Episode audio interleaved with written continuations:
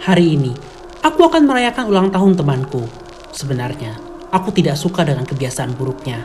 Dia selalu menginap dan tidur bersama di kamar tidurku. Ya, saat aku mengunjungi pemakamannya di hari ulang tahunnya tahun lalu.